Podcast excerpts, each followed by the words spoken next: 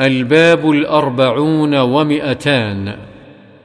باب فضل السماحة في البيع والشراء والأخذ والعطاء وحسن القضاء والتقاضي وإرجاح المكيال والميزان والنهي عن التطفيف. وعن أبي هريرة رضي الله عنه أن رجلا أتى النبي صلى الله عليه وسلم يتقاضاه فأغلظ له فهم به أصحابه فقال رسول الله صلى الله عليه وسلم دعوه فإن لصاحب الحق مقالا. ثم قال أعطوه سنا مثل سنه. قالوا يا رسول الله لا نجد إلا أمثل من سنه. قال أعطوه فإن خيركم أحسنكم قضاء. متفق عليه.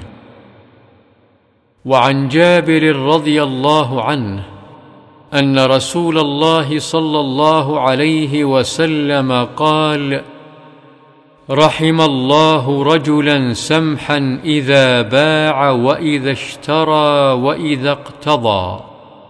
رواه البخاري.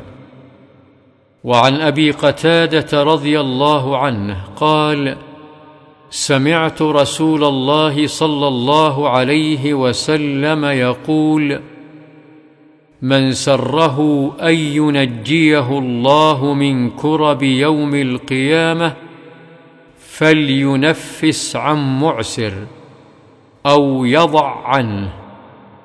رواه مسلم. وعن أبي هريرة رضي الله عنه أن رسول الله صلى الله عليه وسلم قال كان رجل يداين الناس وكان يقول لفتاه إذا أتيت معسرا فتجاوز عنه لعل الله أن يتجاوز عنا. فلقي الله فتجاوز عنه. متفق عليه.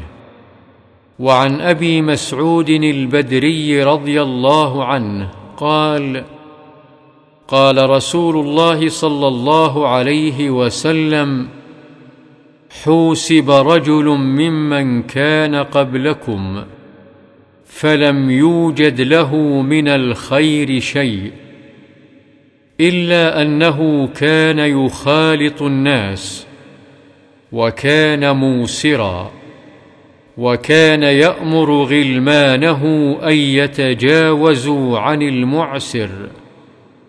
قال الله عز وجل نحن أحق بذلك منه تجاوزوا عنه.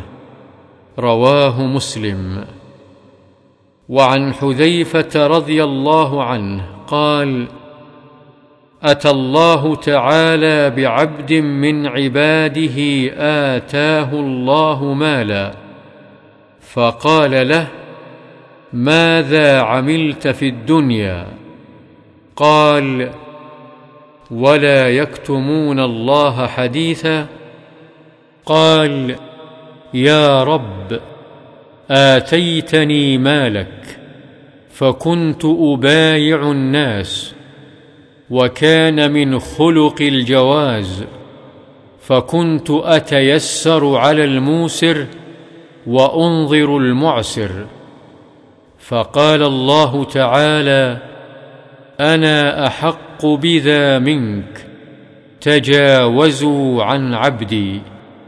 فقال عقبة بن عامر وأبو مسعود الأنصاري رضي الله عنهما هكذا سمعناه من في رسول الله صلى الله عليه وسلم.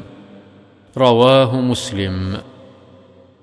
وعن أبي هريرة رضي الله عنه قال قال رسول الله صلى الله عليه وسلم من أنظر معسرا أو وضع له أظله الله يوم القيامة تحت ظل عرشه يوم لا ظل إلا ظله. رواه الترمذي وقال حديث حسن صحيح. وعن جابر رضي الله عنه أن النبي صلى الله عليه وسلم اشترى منه بعيرا فوزن له فأرجح. متفق عليه. وعن أبي صفوان سويد بن قيس رضي الله عنه قال جلبت أنا ومخرمة العبدي بزا من هجر. فجاءنا النبي صلى الله عليه وسلم فساومنا بسراويل. وعندي وزان يزن بالأجر. فقال النبي صلى الله عليه وسلم للوزان زن وأرجح.